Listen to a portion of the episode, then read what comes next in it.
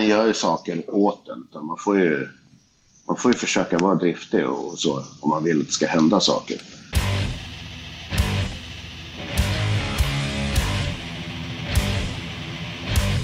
Fredrik Larsson är veckans gäst i Heavy Undergrounds podcast. Eller kanske bara mest känd som Larsson med Z. Trummis i Örebrobandet Millencolin. Men även skivbolagsägare till Denial Records. Och det är det vi ska prata mest om i veckans avsnitt av den här podcasten. Och jag som säger det heter Magnus Tannegren och önskar er varmt välkommen. Heavy Undergrounds podcast kommer från heavyunderground.se där du hittar nästan dagligen uppdateringar om svensk underground rock och annat. Eh, I form av recensioner och intervjuer och podcasts och lite annat kul. Eh, men nu så ska vi kasta oss över i eh, intervjun med Larsson om Denial Records. Och hänger ni med till slutet så ska jag berätta en liten rolig sak ni kan göra när ni har lyssnat klart på den här intervjun. Men mer om det alltså efter intervjun med Larsson om Denial Records i Heavy Undergrounds podcast. Eh, Fredrik Larsson, känd för många kanske som trummis i Millencolin men också som skivbolagsdirektör. ja, direktör. Eh, direktör och eh, den som jobbar på golvet. Allt i allo på firman. Ja, precis. Ja. ja. Eh, jag tänkte vi bara så här ren nyfikenhet. Ditt musikintresse. Mm. När, när började det? Eh, det var väl när man eh, kan man vara 8-10 bast. Man varit liksom fast i väldigt, eller liksom verkligt intresserad i, i musik var väl Maiden och Ozzy och Accept och sånt där i början på 80-talet här någonstans. Jag var där i början. Och sen så, jag är född 73 så att eh, eh, det vart traditionell heavy metal och sen thrash. Eh, death metal, grindcore. Allt parallellt med punk och sådär och massa annat också sådär som man lyssnar på. Mm. Men spela trummor då? När kom du på att det var det som var det du skulle göra? Eh, det var det som var kvar i första bandet att välja på. Okej. Så att eh, Eh, nej, någonstans på högstadiet tror jag det var. Eh, polare hade band och sådär. Och var rätt duktiga. Eh,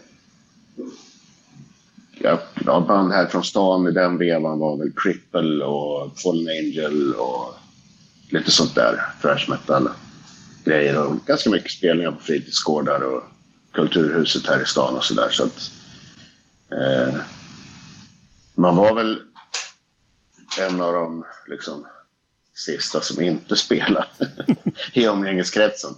Och sen så vart det något trevande försök på TBV där i början med några polare som hade andra band och sånt där. Mm. Men när dök Millencolin upp?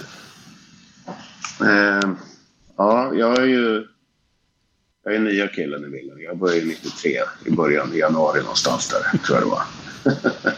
så de började väl i december 92.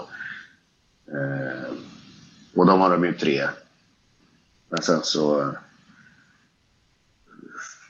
tjatade väl jag mig lite in parallellt med att de tänkte att de skulle ha två gitarrister. Och jag kände ju dem sedan, sedan tidigare. Vi spelade olika punkband innan det. Uh, jag gjorde faktiskt ljud på deras första spelning. Som jag arrade också.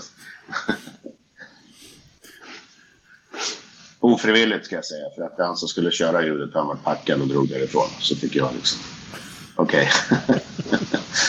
då får jag göra det. Försöka. Det kan väl inte vara så svårt, det är ju bara att dra i lite regler.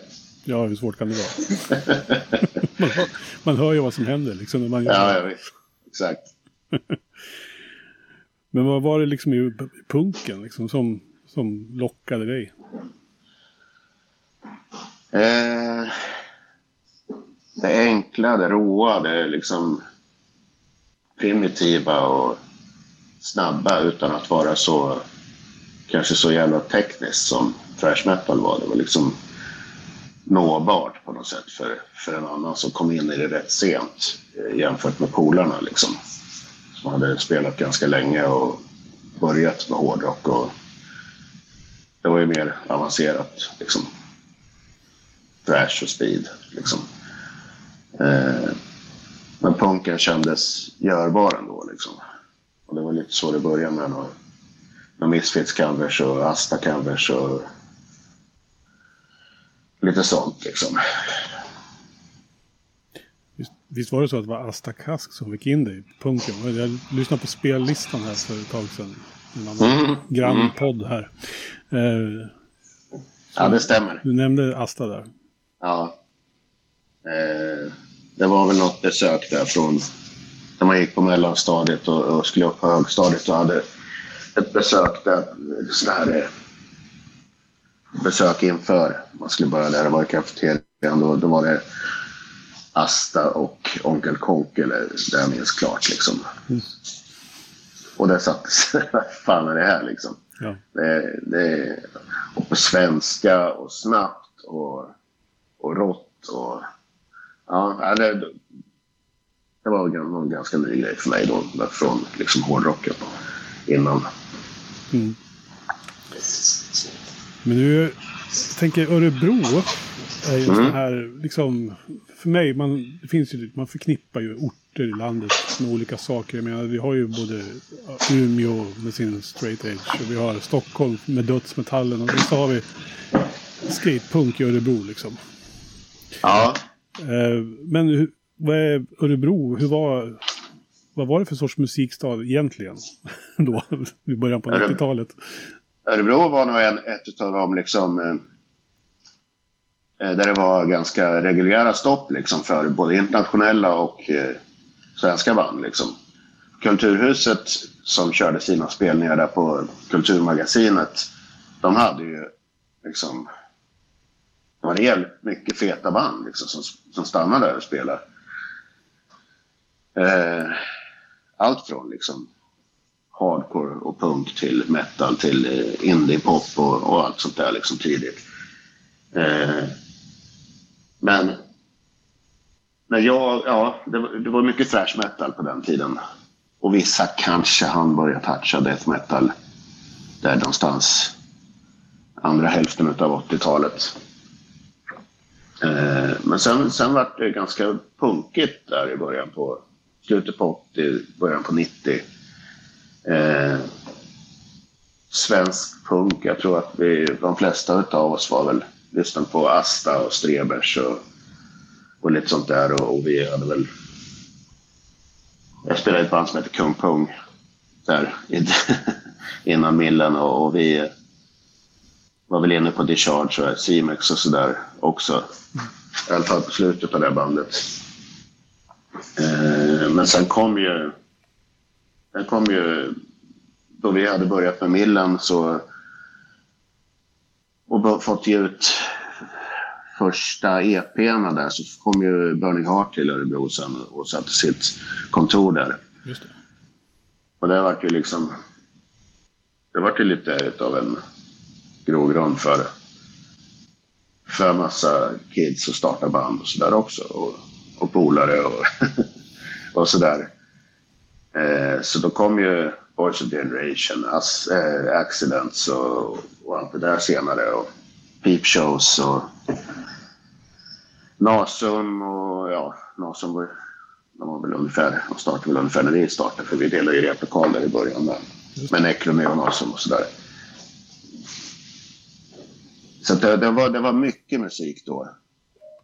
Det har jag faktiskt ganska dålig koll på sen, sen jag flyttade från Örebro. Men, men det, var, det var mycket spelningar och mycket folk som arrar spelningar och, och sådär i Örebro. Så att det, var- det, var, det var ett jävligt bra klimat tycker jag. Ja, det låter ju rätt gynnsamt med både ett ganska känt skivbolag och sen scener att spela på. Ja, Det liksom, absolut. driver ju på, antar jag. Ja, visst är det så. Visst är det så. Det var allt, liksom, allt från kids som, start, som körde de här hardcore gigs, festivaler och till liksom större grejer också sen. På liksom över tusen kapp liksom på, och flera tusen på, på med Kim och de där startade Metallsvenskan och, och Conventum och körde grejer där och sen ner till liksom 20, 20 pers på stationen på hardcore gig. Liksom. Det, var, det var jätteblandat och jättekul. Mm. Eh, är det lite det som kanske har inspirerat dig till att starta skivbolag själv sen? Det har funnits med länge. Ja. Vi gav ju ut våran, eh, våran singel, Kung Pung, själva. Så att man hade lite liksom, vetskapen om hur man skulle gå tillväga. Men sen så dröjde det väl fram till 2010 innan man kände att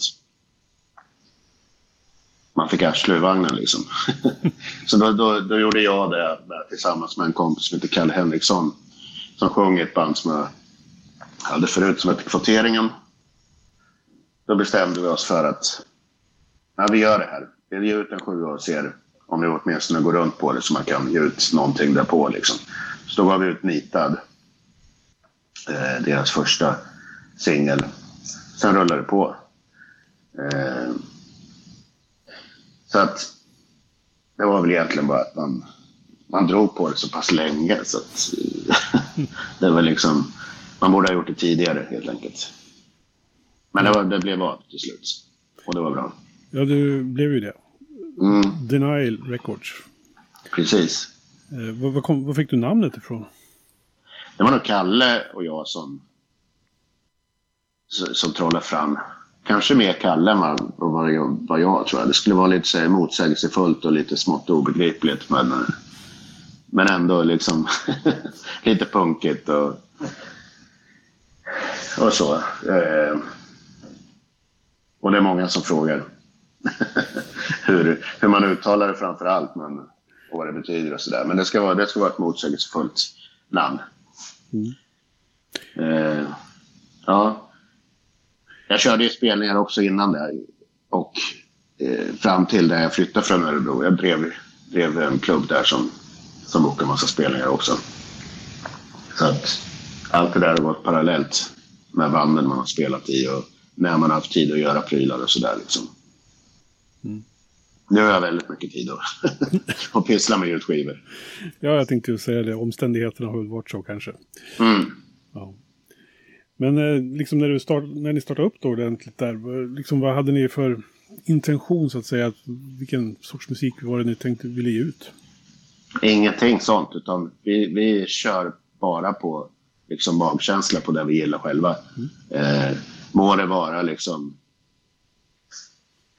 eh, hardcore eller punk eller det som kanske hade varit mest förväntat utav oss till death metal, black metal eller eh, space rock eller liksom retro, allt sånt där. Och det är väl på gott och ont, men jag tror eh, det, det har funkat att köra så spretigt ändå. Liksom. Det, jag har blivit av med det mesta och jag är jävligt stolt över att man har fått ge ut alla de här banden genom åren. Så att, eh, och det är ju så både jag och Kalle var liksom, är att vi lyssnar på jävligt mycket olika typer av musik. Eh, och då kändes det väl, det hade inte liksom gått att låsa in sig på en genre utan vi kände väl bara att vi, vi kör det som faller på, liksom, som vi känner att vi vill deala med. Liksom. Ja. Eh, har du några liksom andra skivbolag så där som du har sneglat på eller som man tar inspiration av? Som du... Ja, eh, det har alltså, genom åren så har det ju varit mycket att man har liksom gått på skivbolag som som har borgat för någon sorts kvalitet. Liksom. Oavsett vad som har kommit ut och vilken typ av musik så, där, så, så liksom Earache var väl en grej sådär som man lyssnade på. Eh, köpte varenda jävla platta som kom ut liksom. Mm. Läste alla omslag och, och, och liksom såg någon sorts någon sorts röd linje i allt de gjorde. Eh, Epitaph naturligtvis. Eh,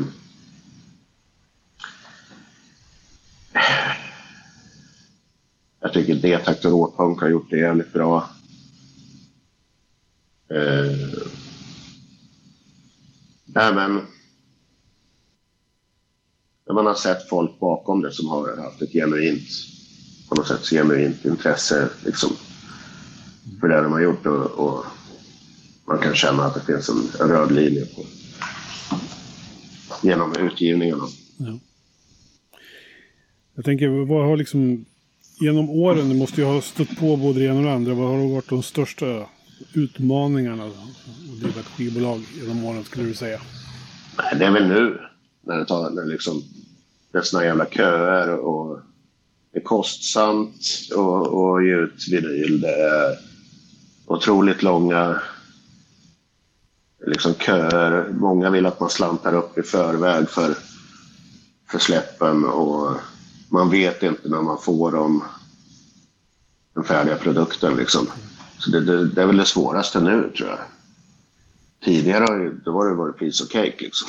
då har man, har man haft stålarna har man skickat in det och klerat liksom testpressar och, och omslag och sådär och sen så får man det tillbaka om sex, sju veckor liksom. Mm. Nu är det ju nu är det fantastiskt långt borta i tiden så man ska liksom anta att man får produkten. Eh, men det är, det är, inte säkert, det vet man inte. Och ligger man ute med pengarna fram till dess på många ställen. Liksom. Men eh, annars, annars skulle jag väl säga att alltså bandmässigt så liksom vi testar det själva också och ger ut det själva. Det är liksom inga jättepengar att ge ut en skiva, en singel själv. Eh, det är inte så svårt heller. Sådär, liksom. Fråga om råd eller vart man ska vända sig och sen kan man göra det själv istället för att vänta på att andra ska göra det också. Även om jag älskar det och, och gör det så, så är det många som verkar tycka att det, att det är svårt. Liksom. Man vill att någon annan ska göra det. Det är någonstans där på vägen man lär sig saker också. Mm. Så har det varit med för vårt band med Millen också att göra allt själva liksom, hela vägen egentligen. Jag tänkte du har väl lite så här, du har lite perspektivet från andra sidan också då, med dig liksom som band och har att göra med skivbolag. Så du vet väl kanske lite hur du kan ja, underlätta ja, för band. Vi har, haft, vi har haft tur på det viset att vi har haft hyfsat stora skivbolag ändå som har haft eh, möjlighet att och liksom få säga och komma med idéer och tycka och allt sånt där längs vägen. Att de har varit jävligt lyhörda på oss. Eh, och det tror jag inte är så jävla vanligt egentligen. Men, men, eh, och sen att man får liksom jobba nära. Vi, jag och Erik satt och jobbade vid ett, i ett kontor liksom bredvid Burning Heart i samma byggnad. Vi hade vår studio i samma byggnad där Matte satt och spelade in massa band och sånt där. Liksom. Ingen gör ju saker åt en, utan man får ju, man får ju försöka vara driftig och så om man vill att det ska hända saker. Så eh, Alltså, absolut. Det, det har varit jävligt nyttigt. Alltså, ända från där man började göra demos och stod utanför McDonalds på stan i Örebro och sålde demos mm. till, till skickare till arrangörer och eh, skivbolag och, och sånt där. Eh, det är lärorikt och kul som fan också. Ja. Det, det, blir liksom en dimension till av att bara stå i replokalen. Mm. Förstår det. Hur, hur går det till då liksom när du, när du väljer att samarbeta med någon? Eller hur, hur brukar det funka? Är det du som kontaktar band eller är det band som kontaktar dig? Mm. Det är olika. Eh, jag tänker väl att oftast är det jag som, som kontaktar band. Eller några fall har det varit bekanta som, som man liksom har eh, kommit överens om ja, vissa projekt som de har haft på gång och sånt där och, och man har varit peppad på. Eh, men absolut så... Det är väl lite 50-50 nu. Mm. Men det, jag menar, jag har ju signat band från och fått någon länk på Bandcamp från något band i USA som jag har gillat och sen kontaktat och hoppats man har fått svar och kanske fått svar efter två månader. Så, ja, men, okej, vi kollar inte det här så ofta men, men ja, vad roligt. Hur, hur ska det här gå till? Ja, men vi löser det liksom. eh, sen är det, det är enkelt, en enkel deal. De får en, liksom, jag ger en, en del av pressen till bandet eller, eller motsvarande del i, i pengar till bandet. Och sen så hjälps vi åt och försöker marknadsföra det så gott det går tillsammans när det, när det släpps. Så det, det är inte så många ställen att marknadsföra det nu på utan det är, det är live eller via sociala medier.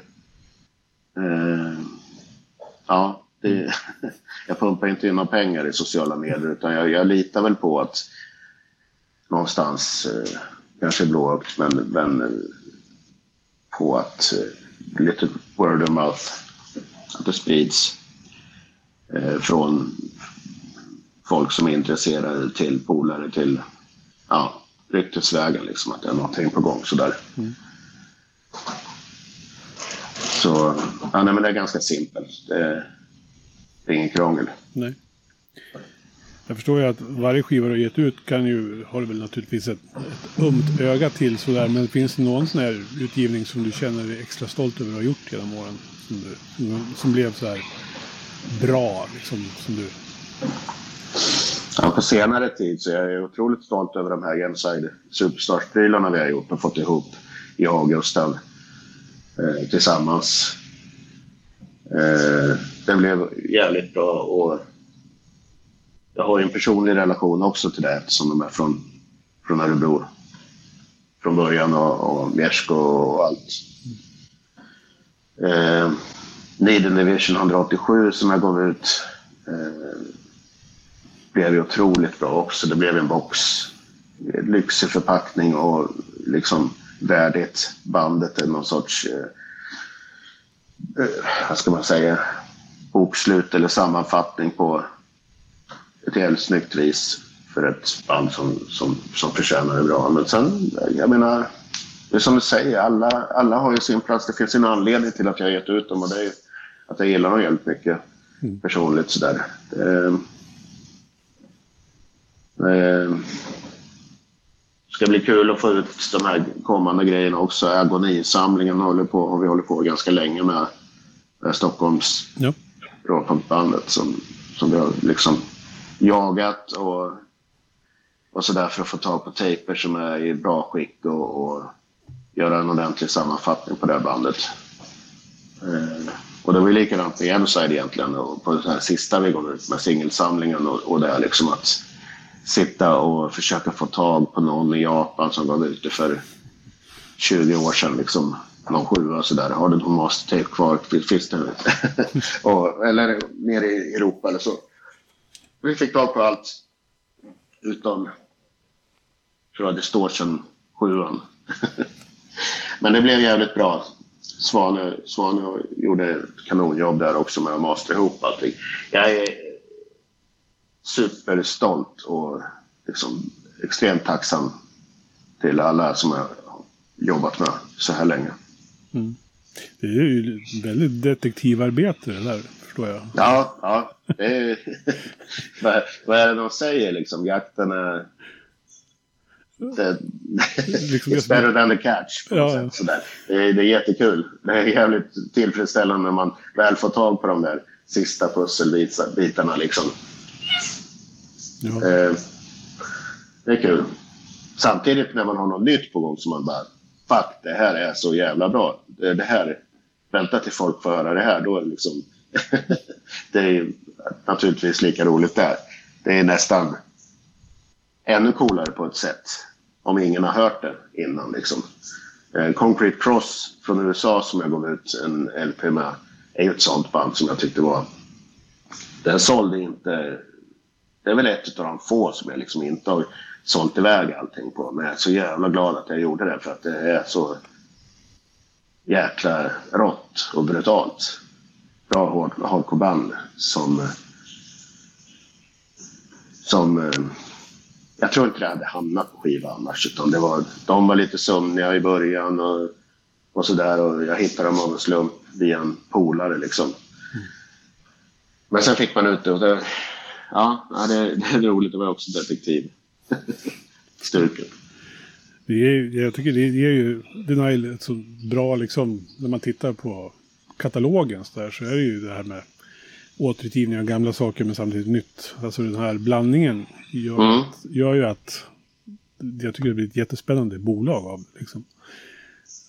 Ja, men det är kul. Det, jag vill inte bli någon som bara återutger saker. Det, det blir lite trött liksom. Men, men vissa saker känner man bara fan, får jag ihop det här, då blir det ett bra... eh, Ja, ett bra liksom sammanfattning av det här som inte har gjorts förut. Mm. Eh, en annan grej eh, som jag håller på med nu, eh, det har jag inte gått ut med än på, på någonstans sådär. Men jag håller på att jobba med en platta som DTAL, ett gammalt hard, hardcore punkband från Sverige, gav ut ett par sjuor på 80-talet. De skulle släppt en LP på CBR efter Anticimex Absolut-plattan, men den föll i glömska och banden försvann. Sen eh, hittade Freddan på CBR det där.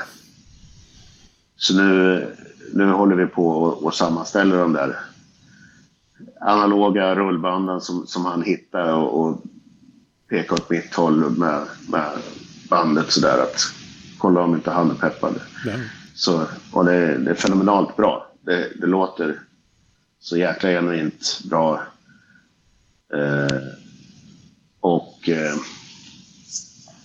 vi håller på att sammanställa omslag nu, men det, det var liksom, det var också lite sådär, det måste ner till Tyskland och det ska jag fattade inte ens vad de gjorde med de där banden, men de var så gamla så att det gick liksom inte bara att hänga på dem och rulla dem och sen ta ut liksom musiken, utan de skulle bakas och tvättas och fan, hans moster liksom innan det gick och, och, och mastra det där igen. Eh, Eh, det är ett av projekten jag håller på med nu och sen eh, återutge 15 eh, års upplaga av Tyrant från Eskilstuna, deras Reclaim the Flame-platta tillsammans med Gustav Göteborg på Två Takt Records. Mm.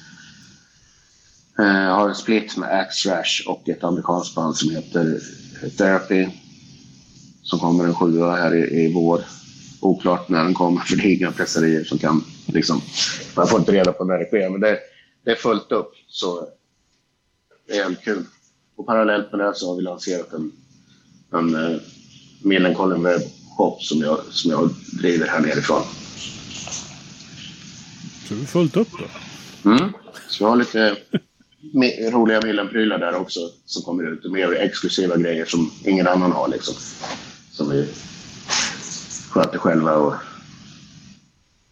Ja. Ja. Det låter ju som en fantastisk spännande framtida utgivningsmässigt från den här Records tycker jag. Ja, ja, det är jätteroligt.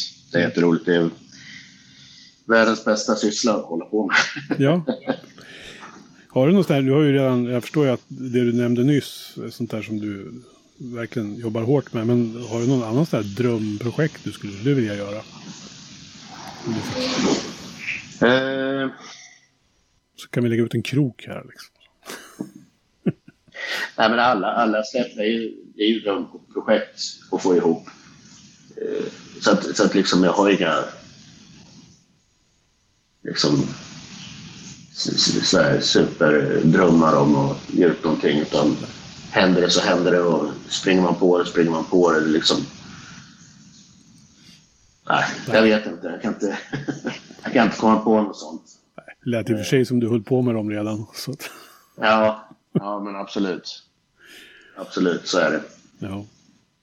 Men då är det agonism är härnäst egentligen. Som, Mm. mm, Det är klart och clearat så att det, jag bara väntar på att det ska bli färdigtryckt och jag hoppas att det kommer nu i februari. Så det blir fett. ja, det ser vi fram emot. Ja. Och om man vill handla skivor av det då, var, var hittar man Denial Records? Det är helt omöjligt. Okej. Då får, då, då, får man, eh, då får man söka på Denial och Big Cartel. Ja. Det finns en shop där, eller kolla på sociala. Jag brukar ha länkar i, i, på de kontona där man kan hitta de här, den här shoppen. Ja. Så åker jag och packar så fingrarna blöder där. Vi lägger naturligtvis en, ut en länk också. Så att, Ja, det är toppen. så att du kan klicka på det direkt efter ni har lyssnat klart på det här. Ja, grymt. Ja. Du Fredrik, eh, jag hoppas att du, jag önskar dig lycka till med alla framtida projekt här. Detsamma. Och jättetack för att du hörde av dig. Det är jätteroligt. All, all support för varandra är ju guld värt. Och vill ni stödja Larsson och hans Denial Records så gör ni klokt i att kolla in eh, informationen som kommer i direkt anslutning till det här avsnittet. Vart ni nu hittar det någonstans. Där finns en länk till Denial Records webbshop och där beställer ni allt som ni ser som man kan spela på en CD-spelare eller på en vinylspelare. Och så finns det snygga t-shirts och annat där också. Så köp allt ni ser där. Eh, jag skulle ju säga också att det skulle hända något kul när ni hade lyssnat klart på det här. Förutom att ni kommer att köpa massa skivor nu.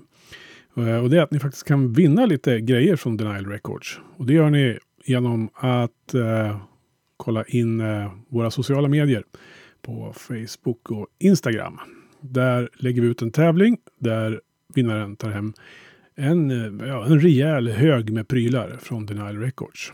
Så kolla upp det. Stort tack till eh, Larsson för att han eh, ville vara med här i Heavy Undergrounds podcast den här gången. Eh, och tills nästa gång så går ni in på heavyunderground.se och kollar vad som händer inom den svenska underjordiska scenen. Med det sagt så ta hand om er där ute så hörs vi nästa gång. Magnus Tandgren signing off. Ha det bra och hej!